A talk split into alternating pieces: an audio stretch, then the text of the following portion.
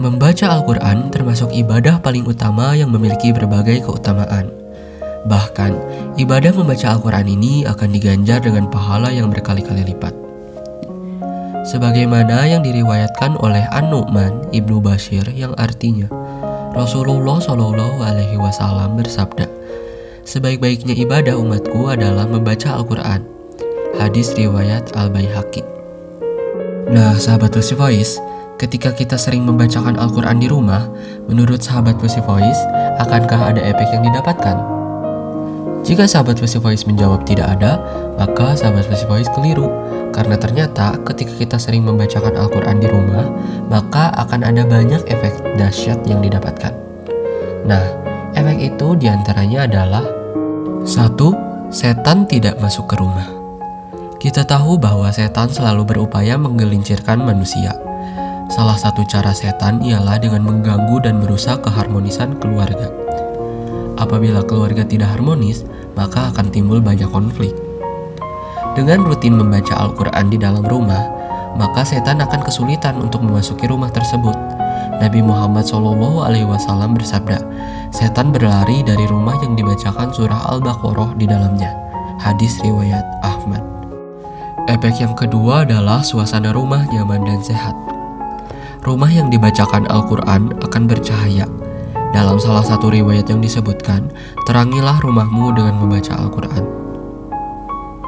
Sahabat Pussy Voice, kita tahu bahwa Al-Quran merupakan petunjuk kehidupan yang apabila diikuti akan mampu mengeluarkan seseorang dari kegelapan. Kegelapan sikap, kegelapan cara pandang, kegelapan keyakinan, dan lain sebagainya. Al-Quran juga disebut sebagai syifa atau obat rumah yang dibacakan Al-Quran akan menjadi rumah sehat yang bisa mengobati siapa pun yang tinggal di dalamnya. Efek yang ketiga adalah suasana rumah menjadi hidup. Rumah yang sepi dari bacaan Al-Quran akan seperti kuburan. Penghuni rumah yang tidak menyempatkan waktunya untuk membaca Al-Quran di rumah tersebut akan dilanda kekosongan spiritual. Dengan membaca Al-Quran, yakni dengan tadabur dan tartil akan menghidupkan hati sehingga tidak lalai. Efek yang keempat adalah mendapat pahala jariah dan hidupkan sunnah. Membaca Al-Quran adalah bagian dari upaya meneladani Nabi Muhammad Shallallahu Alaihi Wasallam dan tentunya menghidupkan sunnah. Selain mendapatkan ganjaran pahala dan kebaikan, membaca Al-Quran juga sebagai upaya melestarikan amalan Nabi dan orang-orang yang soleh. Nabi Muhammad Shallallahu Alaihi Wasallam bersabda, Siapa yang menghidupkan sunnahku yang kemudian diamalkan oleh orang lain, maka ia memperoleh ganjaran orang yang mengamalkan tersebut, tanpa berkurang dari ganjarannya sedikit pun. Hadis riwayat Ibnu Majah. Efek yang terakhir adalah membaca Al-Quran dapat membuat rumah wangi.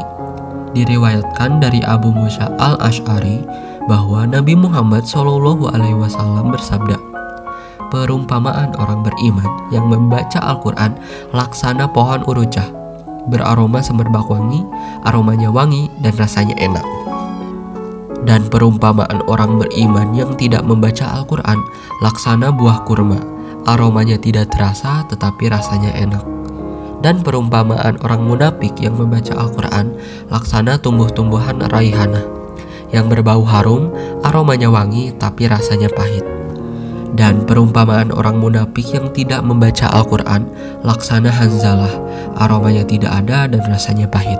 Hadis riwayat Bukhari dan Muslim Nah dengan demikian sahabat Wasi Voice tentunya sungguh merugi orang-orang yang tidak membaca Al-Quran dan alangkah bahagianya orang-orang yang memperbanyak membaca Al-Quran di dalam rumahnya maka dari itu, mari sahabat Wasi Voice untuk terus membaca Al-Quran, khususnya di rumah sendiri ya, karena kita tahu bahwa banyak sekali efek dahsyat yang akan didapatkan.